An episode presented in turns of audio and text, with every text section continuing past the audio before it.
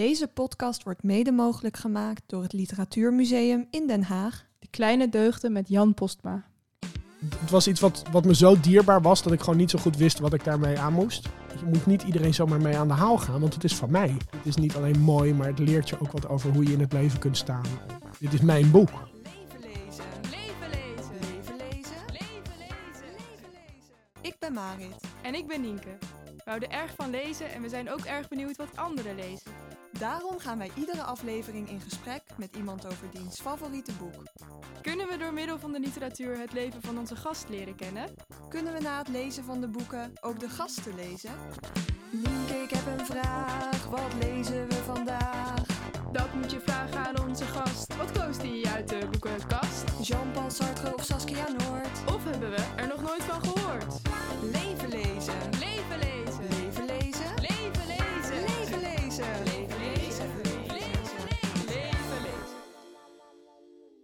Een essaybundel deze keer. De kleine deugden van Natalia Ginsburg. Ja, en dat bespreken we met een van de bekendste essayisten van Nederland. Zijn nieuwste essaybundel Is dit alles? over ouderschap en fotografie. Werd onlangs bekroond met de Jan Hanlo-prijs. Eh, en vorig jaar kwam een Nederlandse vertaling van De Kleine Deugden uit, waarvoor Jan Posma zelf een voorwoord schreef. Ja, best een logische keuze dus dat hij voor deze verzamelde essays van Natalia Ginsburg heeft gekozen. En ze schreef iets van 1944 tot 1960. En het geeft dan ook een goed beeld van de tijd tijdens en na de Tweede Wereldoorlog. En net als Jan Posma schrijft Ginsburg over oud ouderschap en opvoeding. En alhoewel deze bundel dus al een paar decennia oud is, zijn de reflecties over ouderschap van Ginsburg nog steeds eh, heel modern volgens Jan. En het boek heet De Kleine Deugden, maar eigenlijk is dat wel een beetje een gekke titel, want het gaat erover dat je je kinderen grote deugden moet aanleren, zoals moed, openheid en naaste liefde. In ieder geval zijn het de deugden die ook vandaag nog als belangrijk worden gezien in de opvoeding. En over de opvoeding gesproken.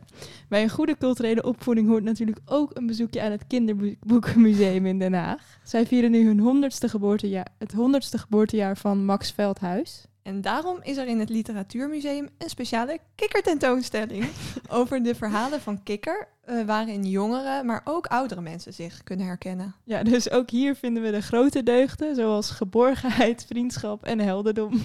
En online is ook van alles te vinden van deze tentoonstelling. En daarvoor ga je naar literatuurmuseum.nl slash literatuurlab. Maar wij gaan nu eerst terug naar Jan Posma met de deugden van Natalia Ginsburg. Leven lezen. Leven lezen. Leven lezen. Leven lezen. Leven lezen. Dag Jan. We beginnen onze podcast altijd met een doorgeefvraag. En die komt voor jou van journalist Gwen van der Zwan. En zij wil ook graag essays schrijven. En ze vroeg zich af of je tips voor haar hebt. Eh, tips. Ja. Eh, ja, die heb ik wel. Nou, ik kan, ik kan eigenlijk alleen zeggen eh, hoe het bij mij af en toe tot een, tot een essay komt. Mhm. Ehm, en misschien heeft ze daar dan wat aan. Wat ik vaak merk is dat er iets is wat me gewoon blijft achtervolgen op een of andere manier. Of ik blijf het tegenkomen in boeken die ik lees of in films die ik kijk. Of er is een woord of een concept of een thema dat maar gewoon de hele tijd me blijft achtervolgen. En als ik merk dat dat blijft gebeuren, dan weet ik ook dat er geen andere manier is om er vanaf te komen dan eh, te bedenken hoe ik er een stuk over kan schrijven. En ik denk dat het dan belangrijk is. Een tip is, de concrete tip is dan misschien herkennen wat dat voor jou is. En eh, niet bang zijn om, ook al is het iets waar je op dat moment misschien nog heel weinig verstand van hebt. Of denkt, nou daar zijn andere mensen beter voor eh, toege- toegerust om, dat, om daarover te schrijven. Om daar niet bang voor te zijn en het dan gewoon te proberen. En te kijken wat jij daarover te zeggen hebt. En heb je dan ook een voorbeeld van iets dat je laatst bent tegengekomen... dat je denkt, daar ga ik misschien binnenkort iets over schrijven? Of wil je dat niet? Eh, ja, ik kan wel een voorbeeld geven van iets waar ik eigenlijk helemaal niks van af weet. En nu, ehm, ik moet een eh, stuk gaan schrijven over de klimaatvoetafdruk van eh, ons digitale leven. En dat is iets waar ik eigenlijk echt helemaal geen verstand van heb. De berekeningen die daarachter schuil gaan en, en hoe je daarover kunt nadenken. Eh, maar het is een onderwerp wat, wat al heel lang een soort van ergens achter in mijn hoofd zo een beetje zinkt van, oh ja, ik ben iemand die heel makkelijk digitaal leeft. ehm, en ik ben me vaag bewust van hoe een, het kijken van een YouTube-filmpje en ergens aan de andere kant van de wereld een enorme uitstoot met zich mee kan brengen. Eh, en ik dacht, uh, goh, misschien moet ik daar gewoon dan een keer, ook al is het iets waar ik niet zo heel veel van weet, een keer induiken. En dat moment dat ik nu ook een, ik heb nu ook een deadline, dus het moment komt dichterbij, maar ik, ik heb nog een paar weken. Maar dan moet het er zijn. En wanneer is een essay goed? Zijn er dan bepaalde ingrediënten voor, volgens jou? Nee. Zeg maar, ja, er zijn zoveel verschillende soorten essays, maar wat ik wel altijd, zeg maar, als we het dan even beperken tot het meer persoonlijke essay, iets wat voortkomt uit iemands eigen subjectieve ervaring of uit iemands eigen interesses, dan is het voor mij altijd wel heel belangrijk dat er een soort, dat de auteur een balans weet te vinden tussen uh, die persoonlijke betrokkenheid bij het onderwerp tonen, laten zien waarom het iets is wat hem of haar aangaat of interesseert, zonder dat de auteur vervolgens ook tussen de lezer en het onderwerp in gaat staan. Of wanneer, wanneer die of zij dat wel doet, dat dat een heel bewuste keuze is. Dat het uiteindelijk nooit zo is dat het onderwerp op een of andere manier moet afstralen op de persoon die, die schrijft, maar dat de persoon zichzelf gebruikt om de lezer iets over zijn of haar blik op dat onderwerp te vertellen. Dus dat er een soort van, ja, dat er niet een soort van ego-dingetje insluipt of zo. Ja, en vandaag uh, wil je het graag hebben over de essaybundel van Natalia Ginsburg. Ja. En is dat dan ook iets wat zij uh, volgens jou heel goed onder de knie heeft? Wat je net vertelt.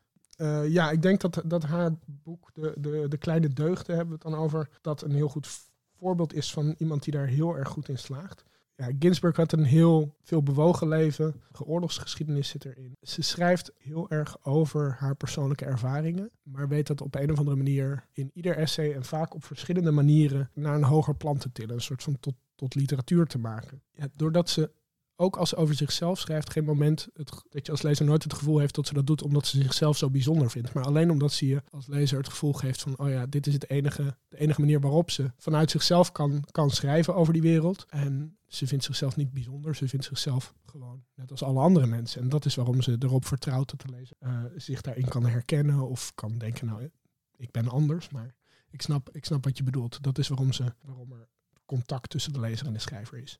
Dus ik denk dat zij er heel goed in is. Zijn er ook bepaalde onderwerpen waarover zij schrijft die jou heel erg aanspreken?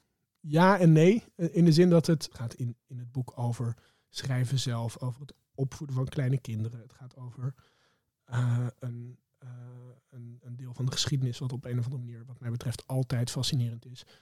Maar het gekke is dat ze ook. De oorlog bedoel je dan? Ja, ja. En, uh, maar het gekke is dat, het, dat ze ook een perfect voorbeeld is van hoe een heel goed essay schrijft, het niet zo heel veel uitmaakt waar het over gaat.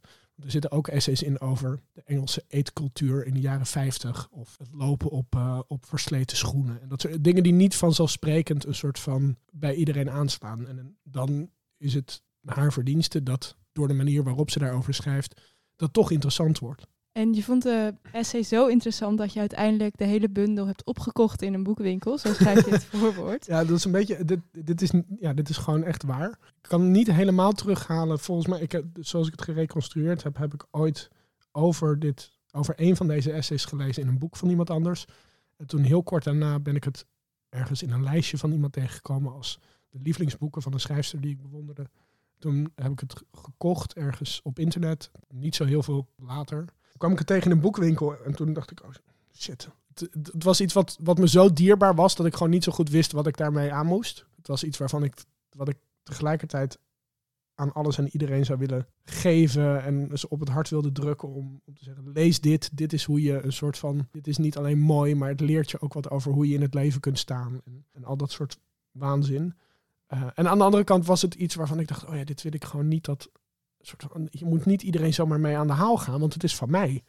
Uh, dit, is, dit, dit heeft mij zo geraakt dat ik zie ook hoe je hier hele oppervlakkige levenslessen uit kunt halen. En bla bla. Goed, allemaal rare dingen die zich in mijn hoofd. Dus het kwam erop neer dat ik inderdaad alle boeken kocht. En ze vervolgens aan mensen begon weg te geven. Waarvan ik dacht, oh ja, jij, jij vindt dit vast ook heel mooi. Maar toen, de volgende keer dat ik in die boekhandel was, lagen er weer nieuwe exemplaren. En toen, nou, ik heb er nog een paar gekocht. En op een gegeven moment dacht ik, oh ja, dit is gewoon hopeloos.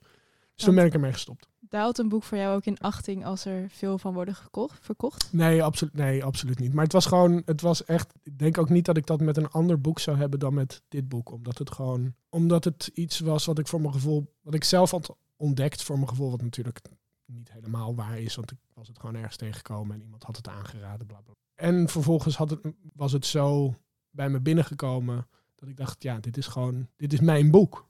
Zeg maar, dit is wat, als ik, als ik een, een veel betere schrijver was geweest, dan had ik ook zoiets moois kunnen maken. Want dit is, had ik dit kunnen maken, want dit is gewoon een perfect kleinoot op een of andere manier.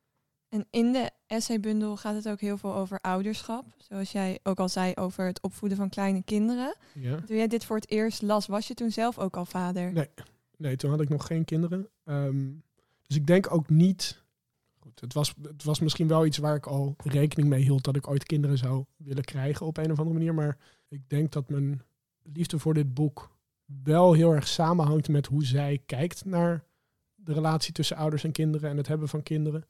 Keek Maar je toen die- eerder naar je eigen ouders? Hoe je zelf als kind was? Dat kan ik niet helemaal die- Terughalen. Dat zou best kunnen. Nee, ik denk dat ik wel in een, in een levensfase was dat ik dacht, dit gaat over het zelf hebben. Van, want het is dan wel geschreven vanuit het perspectief van de ouder.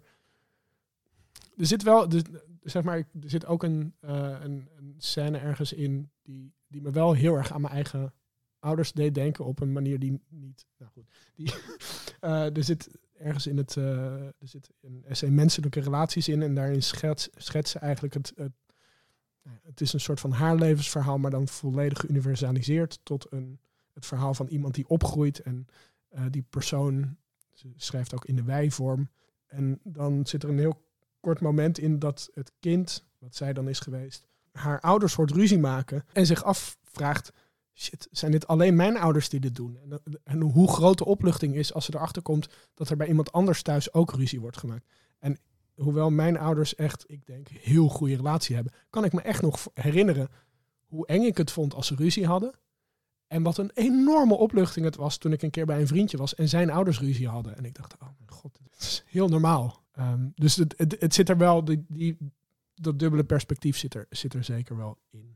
Ja, en zelf in het voorwoord dat je voor deze bundel hebt geschreven, ga je ook in op dat Ginsburg stelt dat je kinderen een minachting voor geld moet bijbrengen, omdat zij zegt dat spaarzaamheid geen grote deugd is. En in je eigen essaybundel is dit alles, ga je hier ook op in. Dus het lijkt wel iets te zijn wat je zelf ook heel belangrijk vindt. Is dat iets wat je je eigen kinderen ook probeert bij te brengen, die Spa- minachting een voor minachting geld? voor geld. Ja, ehm, ik denk dat, dat dat wel iets dat dat wel iets is waar het soms een beetje aan ontbreekt, zeg maar. Gewoon, het gaat dan natuurlijk niet om het minachten van geld, maar het op waarde schatten van andere dingen. Het voorbeeld wat, wat Ginsburg geeft is dat je als je een kind een spaarpotje geeft, als je daar een beetje vroeg mee begint, dan, dan, dan leert dat kind op een gegeven moment heel erg van dat spaarpotje houden. En dan begint dat spaarpotje iets te symboliseren. En namelijk niet dat wat je met het gespaarde geld kunt doen. Zeg maar niet de fiets die je ervan kunt kopen, is het voorbeeld wat, wat zij geloof ik geeft. Maar gewoon het bezit van dat, van dat geld in dat potje. Zeg maar, er is niks mis met, met, met zuinig zijn of spaarzaam zijn. Of een soort van. Het is, niet een soort van minderwaardige manier om in het leven te staan. Maar er zijn gewoon and, ja, andere dingen die je ook belangrijk kunt vinden. En ik denk dat zij dat heel mooi laat zien. Dat, en dat is dat onderscheid wat ze maakt tussen de kleine en de grote deugden. Dat de kleine deugden zijn. Ik heb nooit helemaal begrepen waarom het, de bundel de kleine deugden heet. Omdat dat eigenlijk de, de minder Ja. belangrijke deugden zijn waar ze het over heeft. Dus zeg maar spaarzaamheid of dingen die een beetje gericht zijn op zelfbehoud en op het bieden van veiligheid. Ehm, en dat zijn heel belangrijke waarden in het leven, maar die zijn alleen wat waard als je ook weet waarom je dat allemaal doet. En dat zijn meer de grote waarden, zeg maar vrijheid en de wil om risico's te nemen en bijzondere dingen te ontdekken en dat soort dingen. Ja, en daarover schrijft ze ook op bladzijde 116. Zou je dat misschien willen voorlezen? Opvoeding is niet meer dan een bepaalde relatie tussen ons en onze kinderen. Een bepaalde sfeer waarin gevoelens, instincten, gedachten opbloeien. Nu denk ik dat een sfeer van respect voor de kleine deugden onme- onmerkbaar uitmondt in cynisme of levensangst. Kleine deugden hebben op zich niets met cynisme of levensangst van doen. Maar samen en zonder de grote wekken ze een sfeer die daarin resulteert. Niet dat de kleine deugden op zich verachtelijk zijn, maar hun waarde is complementair en niet substantieel. Ze kunnen niet zonder de andere en op zichzelf, zonder de andere vormen ze voor de menselijke natuur maar een povere kost. Hoe hij de kleine deugden moet beoefenen, kan de mens in zekere mate, en als het absoluut onontbeerlijk is, om zich heen waarnemen en uit de lucht opsnuiven. De kleine deugden zijn onder mensen alledaags en wijdverbreid. Maar de grote deugden zijn niet uit de lucht op te snuiven en zouden de eerste substantie van onze relatie met onze kinderen, de eerste grondslag van de opvoeding moeten zijn. Daarbij kan het grote wel het kleine bevatten, maar volgens de natuur het kleine niet het grote. Ja, dus het is best moeilijk om die grote deugden bij te brengen. Ik zei het net zelf ook al een beetje. Wat voor grote deugden wil jij je kinderen dan meegeven? Wat een vraag. Ehm, Of ben je er eigenlijk niet mee bezig? Nou, mijn kinderen zijn nog heel klein. Ze zijn Ja. drie en vijf. Ik denk dat dat, dat misschien iedere levensfase van, of fase van de jeugd eigen vragen op dat gebied meebrengt. Ik denk dat het bijvoorbeeld als kinderen heel klein zijn, een van de weinige dingen waar ik hoop enige invloed op uit te kunnen oefenen, is dat ik denk, ja, ik, ik hoop dat, ik, dat ze niet onnodig bang zijn voor het leven. Dat is denk ik een, valt denk ik onder de grote waarde. En dat is iets waarvan ik nu wel me bewust ben als ik met mijn eigen oudste dochter dingen doe. Dat, dat ik denk, oh dit is misschien de leeftijd waarop je hopelijk leert dat het niet erg is om niet de beste in iets te zijn. eh, maar dat het belangrijk is om er plezier in te hebben of er iets anders uit te halen. Dat het belangrijk is om niet bang te zijn om te falen, omdat je, omdat je daar dingen van leert. Of omdat je, omdat je het leuk vindt. Nou ja, goed, dat, al dat soort, dat soort dingen. Dus ik denk wel dat dat. Het is alleen misschien niet iets waar ik de hele dag, als ik, als ik zo met mijn kinderen bezig ben, dat ik dan denk, oh ja, Nathaniel Ginsburg, de grote waarde. Dus dat, dat ook weer niet. Ja, en wat zij ook schrijft over ouderschap in ehm, het essay Mijn Vak, is Ja. dat zij toen ze moeder werd heel erg bang was dat ze nooit meer kon schrijven. Is dat iets wat jij herkent of hebt herkend? Ja, nee, ja, het is gewoon, je, als, je, als je kinderen krijgt, heb je opeens voor heel veel dingen geen tijd. Nee, je hebt, van die, je, je hebt schrijvers die doen alsof het hebben van kinderen een soort van het schrijven van literatuur, hoe dan ook in de weg zit. En dat is onzin, want de, de voorbeelden van, van schrijvers en schrijfsters met, die, die, die één of heel veel kinderen hebben gehad en tussendoor hun werk hebben gedaan, eh, die zijn, die zijn legio. Ik bedoel, ja, Toni Morrison die stond 's ochtends om vijf uur op voordat ze eh, niet alleen de hele dag naar de werk moest, maar ook de kinderen naar school moest brengen om gewoon aan haar, aan haar boeken te schrijven. En dat deed ze jarenlang. Uitzonderlijk geval, maar ik bedoel, eh, het, nee, die dingen hoeven elkaar niet in de weg te zitten. De altijd mannelijke schrijvers die zeggen dat ze geen kinderen hebben omdat ze zich volledig op de literatuur willen richten, dat zijn een stel aanstellers. En aan het einde van dat essay, Mijn Vak, eh, schrijft Ginsburg dat ouders en kinderen moeten leren een roeping te vinden in het leven door zelf eerst ook zo'n roeping te hebben. Ja. Geloof jij in zo'n roeping? Dat mensen een roeping hebben Ja, in het leven? Ik denk dat, nou, ik, ik, ik denk dat het wat te veel gevraagd is om te verwachten dat het voor iedereen geldt.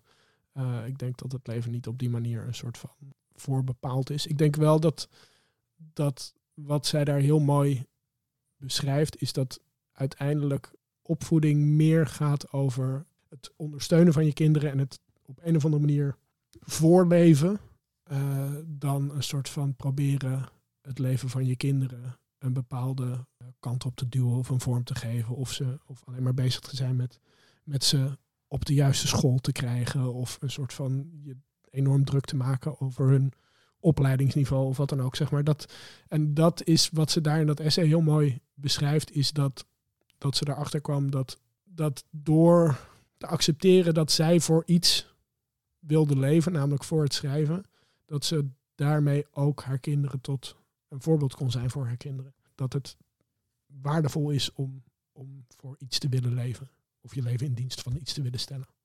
En heb jij ook zoiets gevonden? ik schrijf ook wel graag.